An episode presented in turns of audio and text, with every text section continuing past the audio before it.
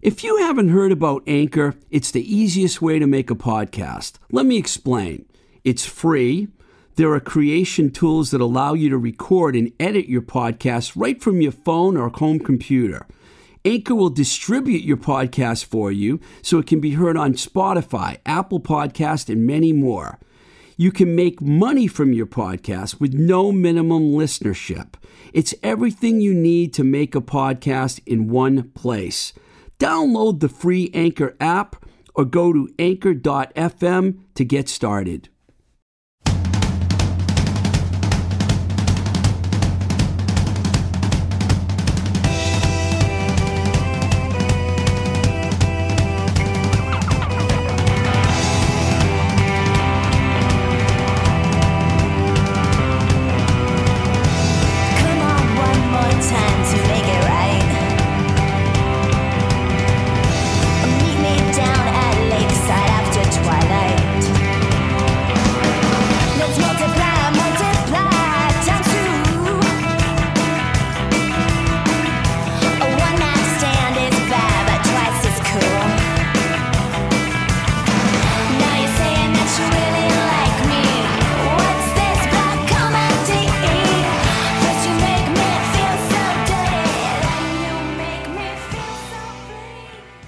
This episode of Blowing Smoke with Twisted Rico is brought to you by Baby Loves Tacos and their two outstanding locations in the Pittsburgh, PA area. The original hotspot in Bloomfield and their second location in Millvale, right over the 40th Street Bridge. Baby Loves Tacos, where everybody eats.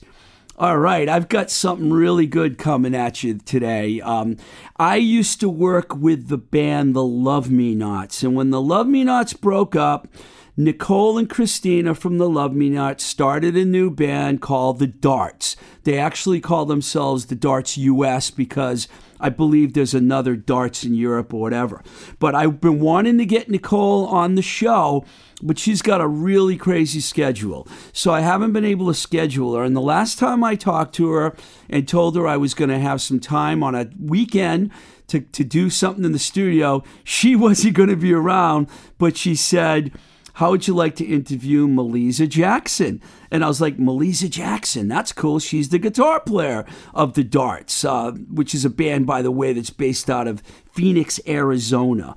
So, um, I knew about Melisa for a while and I was excited because she's really got a she's a great guitar player and she's got an awesome look and she's been rocking out in other bands in Phoenix so I knew who she was and when she joined the Darts and she went on tour with them when they opened for the Damned that was her first tour I believe hi you're in the band now we're going on the road with the Damned she just rose to the occasion and she also plays on the 2019 album I Like You But Not Like That. So before I play you, the, before we play you the interview with Melisa, we're going to play a song. This one's called Break Up Makeup. It's from I Like You But Not Like That by The Darts. Here you go.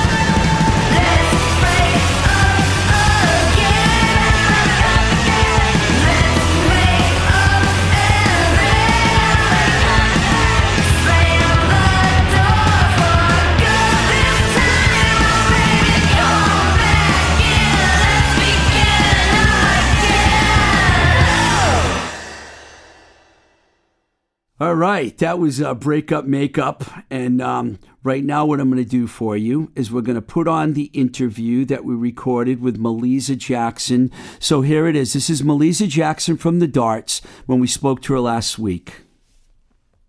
All right, like I was telling you before, we have Melisa Jackson from the Darts on the phone. How are you, Melisa? Hey, I'm doing well. Thank you. How are you? Very good, thank you. I'm glad you're here. As you probably heard, I've known your bandmates, Nicole Laurenne and Christina Nunez, since around 2006, I believe when I started managing their band, the Love Me Nots. Not only not only once but twice. We split up for a few years, and then they recruited me back right before the Sucker album was released, and it was soon thereafter that the Darts were formed. Uh, I had nothing to do, by the way, with the, with the Love Me Nots breaking up, just for the record. Uh, but but I feel like Good to know. Nicole is, by the way, one of the smartest, kindest, and coolest people that I've ever worked with. So you are in really good hands with her and uh, Christina. I have to tell. I have to say that.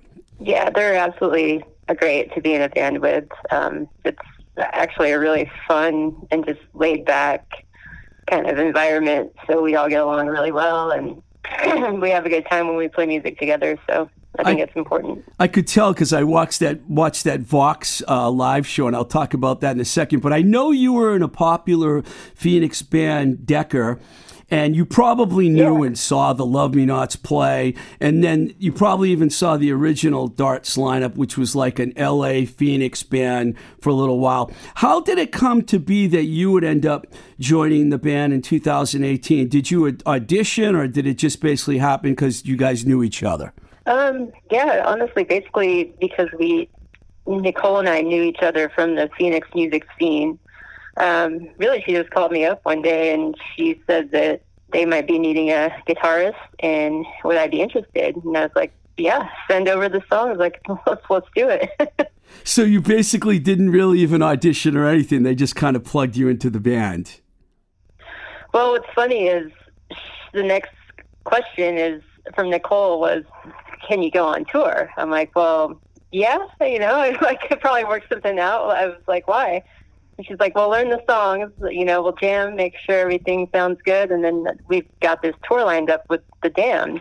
So uh, hopefully you can clear your schedule and get that going. You just you just took my basically my audition. yeah. You just basically took my second question away because I was going to say. So you're in a band, and not much after that, all of a sudden you're touring America, opening for the Damned, one of the most famous English late '70s punk era groups. That must have been pretty surreal for you to join a band, and next thing you know, you're on the road with legendary band.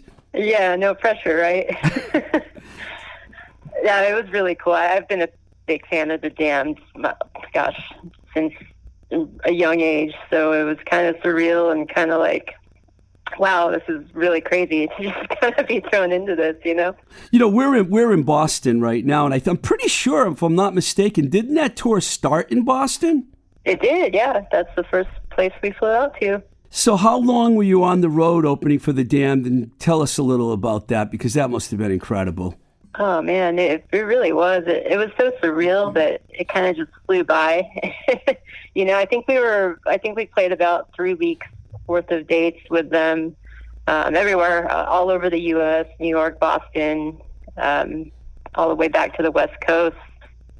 And we even got to play in Phoenix one night, which was really cool. I got to see or have a lot of my friends and family out for that, so that was really cool.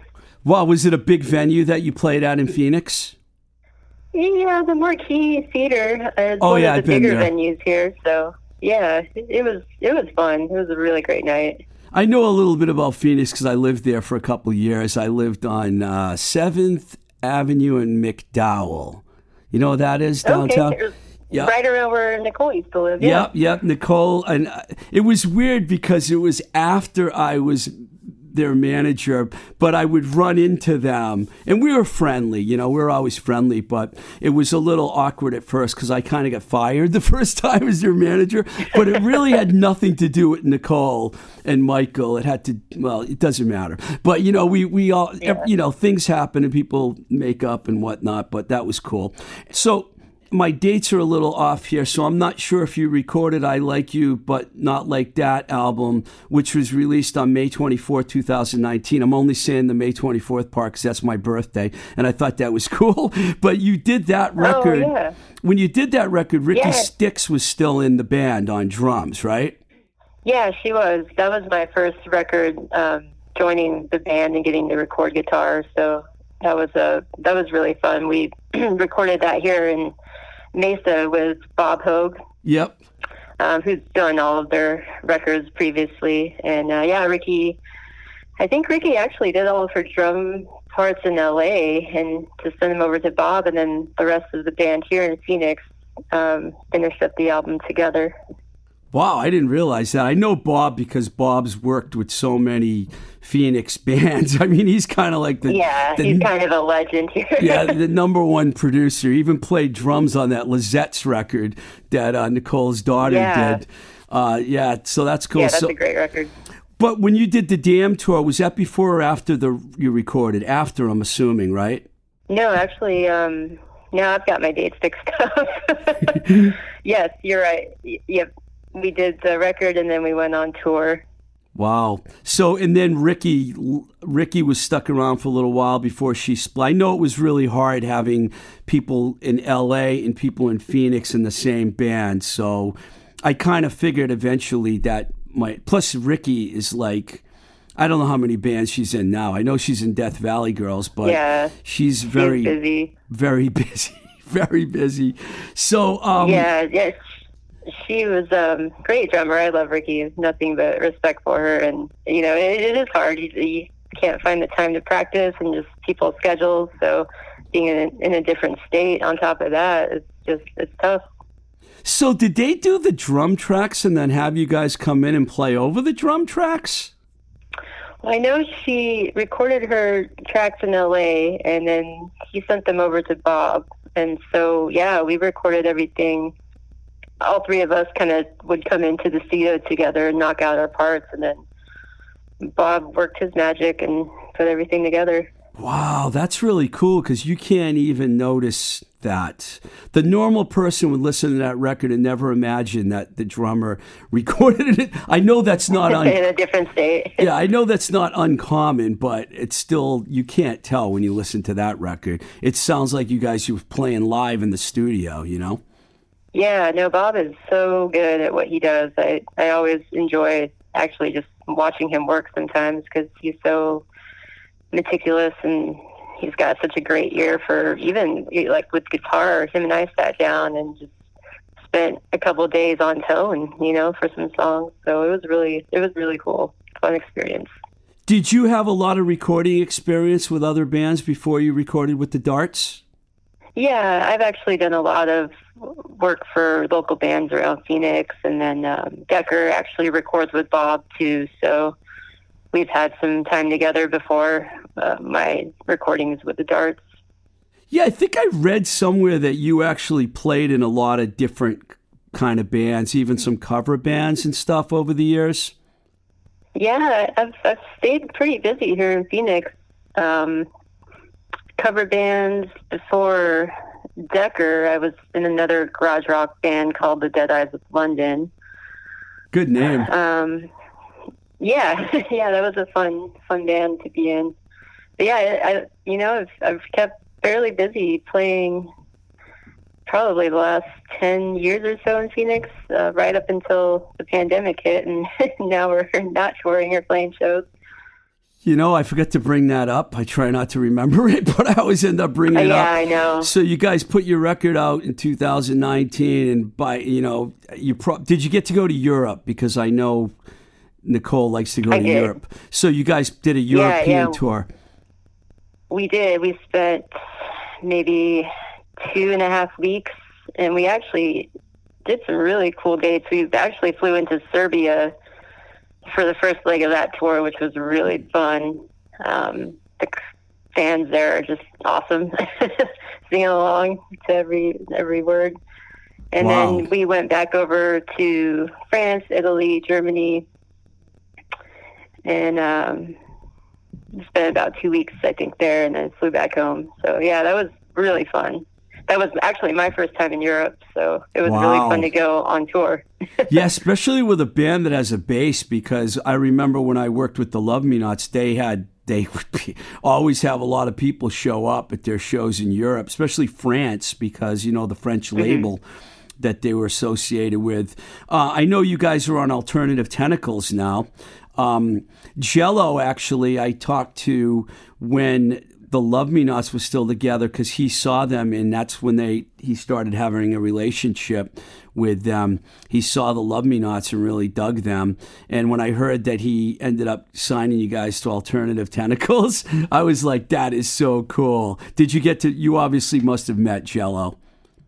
Yeah, yeah, we've actually stayed at his house um, in between tour dates and has gotten a chance to hang out with him. And he's a super nice guy. He's really supportive of the band, and we're definitely grateful to have him, you know, as a person to go to for advice and just somebody to bounce creative ideas off of for the record. You know, it's, it's been pretty awesome. Were you like a fan of the Dead Kennedys when he was like the leader of the band back in the old days? Well, You're yeah, prob- I kind of grew up as a punk rocker, so he definitely is one of those bands you respect growing up. I, I know we were talking about different bands you played in, and I'm sure people say this to you sometimes that you kind of have like a little bit of a Joan Jett vibe going on. I, I, I'm I'm assuming you must be a fan of Joan Jett's, right? Oh, she's actually one of my all-time favorite female musicians, or just music, musicians in general. We actually got to play with her um, in 2019, I remember was that. really cool. It was for an actor or something, right? Yeah, um, Drew Carey. Right. I guess he hosts a, a party every year, so I, I, I guess he's a fan of the darts, so he invited us out, and we got to play right before Joan Jett, and I actually ran into her backstage and just kind of talked to her for a few minutes. I don't even remember what I said. I was probably so flustered. I've met But Joan. A few, was- yeah, I've, I've met Joan a few times. She's really cool. Super cool. Yeah, she has that very cool uh, vibe. it's awesome. What a legend. When the uh, pandemic hit, you guys probably had to put everything on hold for a long time. Yeah, um, I think that you know it took just a couple months to process what the hell was going on, you know, and then not playing music or shows and just kind of being at home has been different. I mean, it's been a nice change of pace, to be honest, to slow down because I've been so busy uh, touring, playing shows, recording, uh, everything here, and it's been nice to actually be at home and just relax and work on music, you know, at your own pace. Focus on just playing guitar and, you know, getting better at that and not having to worry about a crazy schedule all the time, you know, having to be somewhere 24 7.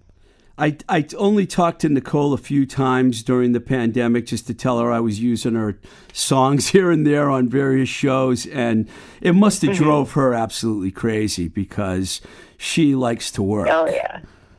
She likes to be busy for sure. But, you know, I think you just have to take it in and say, okay, this is what we have, and, you know, we'll have to work through it together. And in the meantime, you know, stay busy working on music. I like your vibe. You don't seem to be angry about it. You just kind of seem like you had to take it Well- in stride. It, yeah, it probably probably was a little angry for a few months of, you know, just having your basically your livelihood of playing music kind of just taken away, you know, and what do you do? you know, not- on a live stream. For a band like the Darts, having to not be able to do anything for a year, that's probably about three or four tours right there. Knowing the way that, you know, they like to tour. I mean, Nicole and Christina have been Yeah. on the road for about, I don't know, 15 years straight, you know, going to Europe, touring America. You know, I mean, it, it, it, must, it's, you know, it's been like that for a lot of bands. It's been really difficult. I just had, did an interview with um, Ruthie Morris from the band Magnapop from down in Atlanta, and she's also she ended up in the in the um, she works at a hospital. She does something at a hospital. So she's had to like put her music career on hold and become like a hospital worker during one of the worst things that imaginable. Oh man. So, yeah. but on a I more really feel for those workers. It's I, I can't even imagine going to work every day with something like this. You know, it, it just weighs so heavy on you. Yeah. Just recently, you guys did a live show. When I say recent, I mean real recent on the internet for Vox. And we got to see the band with Velvet Hammer on drums. You girls were on fire. I mean, I, when I watched it with a bunch of people on a big screen, uh, when it came out on YouTube. I didn't, we didn't get to see it live, but we, it's on YouTube. So I put it on a big screen down here at the studio, and there were a bunch of us watching it, and everyone was like, "Man, these guys are great." I really, I love your, you and and Velvet Hammer seem to like come into the band and like the band didn't miss a beat. I mean, that that must Yeah. have been a lot of fun doing that show, huh?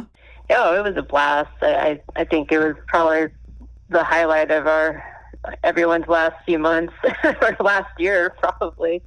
Um, you know, after just not playing a show for so long, you get this opportunity to do this live stream for Vox, and we're like, yes, absolutely. So I think everyone was really stoked for the opportunity. Um, even probably a little nervous minutes before we started.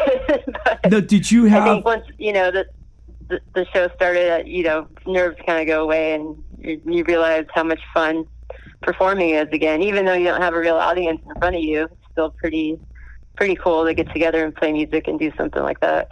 Yeah, you end up you ended up having a really big audience on the internet. That's for sure. Um, Yeah. Did you? Um, I know during the, did did you have a sponsorship with Vox, or did they sponsor the whole band, or how did the whole Vox thing come together? So uh, Nicole, actually, uh, she works with a guy from Media Horse Productions, who is really good friends with the artist relations manager Lauren from Vox. Uh huh. And we got to talking one night uh, backstage before one of our shows in LA, and he was like, "Oh, I know Melissa plays Vox. Is um, is that kind of her thing?" And Nicole's like, "Yeah, yeah, she's used Vox for years." And so she put us in contact. And he's like, "I'm going to put you in touch with Lauren. You know, we're really good friends. He's the head of the artist relations over there in the LA office, and that, you know, you guys should talk about maybe doing a sponsorship." I think he'd really dig you. So he came out to one of our shows in LA the next time we were there and really, really dug the band. And we got to talk for a little bit. And so, yeah, we ended up um, kind of working out a little sponsorship deal. Wow. So Dave, um, yeah, they've asked me to do some some cool media things here and there for him. And I think we're going to have some more things here coming up in the future. So I look forward to doing some more stuff for them. Well, I love Vo- I love Vox. I'm pretty sure Brian Oh, May, too. Brian May, my favorite guitar player ever. I'm pretty sure he plays out of a Vox, you know, and it's does. like- yeah, I mean, I'm really if he can do it and Melissa Jackson can do it, I'm all in. so you know, Brian May, actually, that's one of the reasons I bought a Vox to begin with. I, I loved his tone so much. I'm like, ah, man, I want to sound like that guy. you know? wow, so you're like Brian May meets Joan Jett. I kind of dig that. How can you not love Queen? You you have to love him. You have to. Freddie was the greatest. Um, did you know um, uh, Velvet Hammer before you guys got in the band together? Because I know she was in the Surf Broads for a long time. You know, I, I'm sure we've crossed paths, but I never was introduced or we've never talked or anything um, before her coming into the darts. But she is super, super easy going, n- nice, easy to work with, great drummer, great personality. So I'm stoked that she's playing music with us now. Yeah, you guys were like a machine on that show. I was just blown away. I did it. Does it take a little? Did it take a little practice for you to get used to Nicole's antics? Like, in one part, I noticed she had her foot on your leg. I mean, I don't know how she does some of these moves, but she does. She's been doing that for a long time. So was that? No, yeah, it makes it fun. I think, you know, the more fun you can have on stage and be entertaining, you know, the more fun everyone has. I'm all for it. Yeah, you guys definitely look like you were having a lot of fun. So, um, I think I know some of these answers already, but what do you listen to, and what are, who are some of your inspirations as guitar players, performers, etc.? We already talked about Joan Jett and Brian May. Is there like a specific musical style, specific players that you dig? Uh, really, it all kind of goes back to Hendrix and Jimmy Page for me. And uh, Wow. Well, David Gilmour is definitely still a huge fan of Pink Floyd and his guitar work and tones. Um, yeah, Joan Jett was a big influence, of course. Did you ever? Were you into the? I know you're you're a lot younger, but we did you get into the Runaways at all, or did you just become a fan of the Blackhearts? Yeah, yeah, I was a pretty big fan of the Runaways. Um, all of it, really. I've just I've followed her entire career, and I've really dug everything that she's done. Cool. Is there any new people that have been coming out, new bands and stuff that you've been listening to lately that you really like? Yeah, you know, honestly, for me, the last few months, I've kind of been listening to a lot of Depeche Mode and The Cure, um, kind of back into that era of music. Wow, that's cool. I kind of really been digging. Yeah, uh, you, Depeche is actually one of my favorite bands, so kind of, I guess I'm all over the page with musical influence, but Yeah, you. I don't know, I'm a music fan. you I, there's nothing wrong. The, the diversity will help you like be able to move forward as a musician, no Yeah. doubt about it. You know, so um, I know that it's a hard question to ask, but what what do you guys where you where are your heads at right now? Are you guys going to record? Are you thinking about just going on tour when this thing? Uh, I don't know when it's going to be, but when things open up, I mean, what's your future plans right now?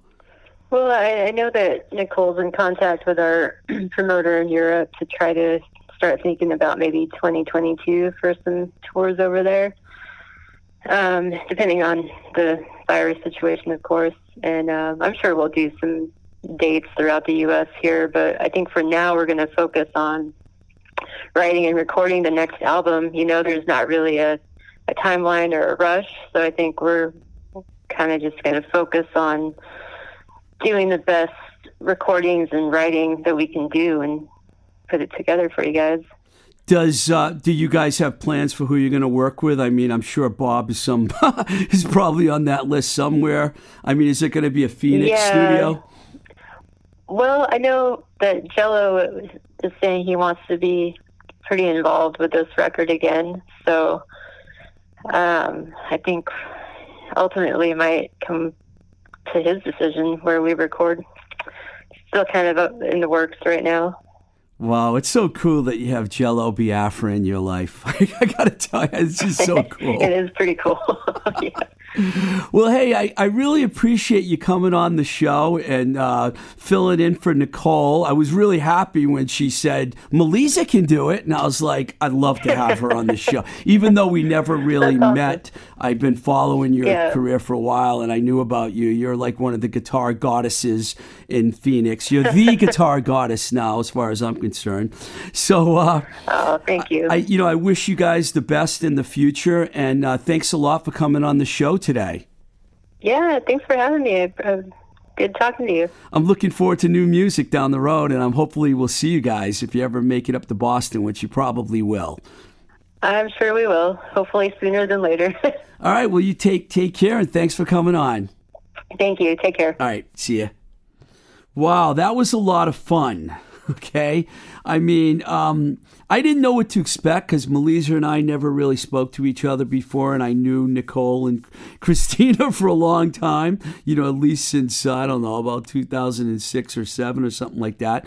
But she was really cool, and uh, I really, I really enjoyed interviewing her. And um, the Darts are probably going to be making a new record soon, as I believe was indicated in the interview. They're on alternative tentacles, so they're in good hands with Mr. Jello Biafra. That's right, Mr. Jello Biafra, who I actually had the pleasure of talking to on the phone once because he saw the Love Me Nots play, and Nicole said, Jello Biafra saw us play, and he wants to talk to you about some stuff. So I called Jello Biafra on the phone, and he was really cool. I, I it took a lot for me not to bring up the dead Kennedys, but I did not bring them up on that call. So so I think that the band's uh, getting a lot of support from that their label, and they're also you know they got a great European uh, connection going on. They go out to Europe a lot. It started in France and it's kind of spread all over Europe, and they play festivals and everything. And I guarantee you, once this pandemic uh, th- becomes it becomes safer for people to travel, I'm sure the darts will be crossing America and crossing the ocean over to Europe. Um, so once again, that was great having Melissa on the show, and I hope you enjoyed the interview. Um, um, like I mention all the time, you know, also check out the Twisted Rico radio show, which um, it's now available everywhere. Uh, all the same different platforms where you can listen to this show. It's just on a separate.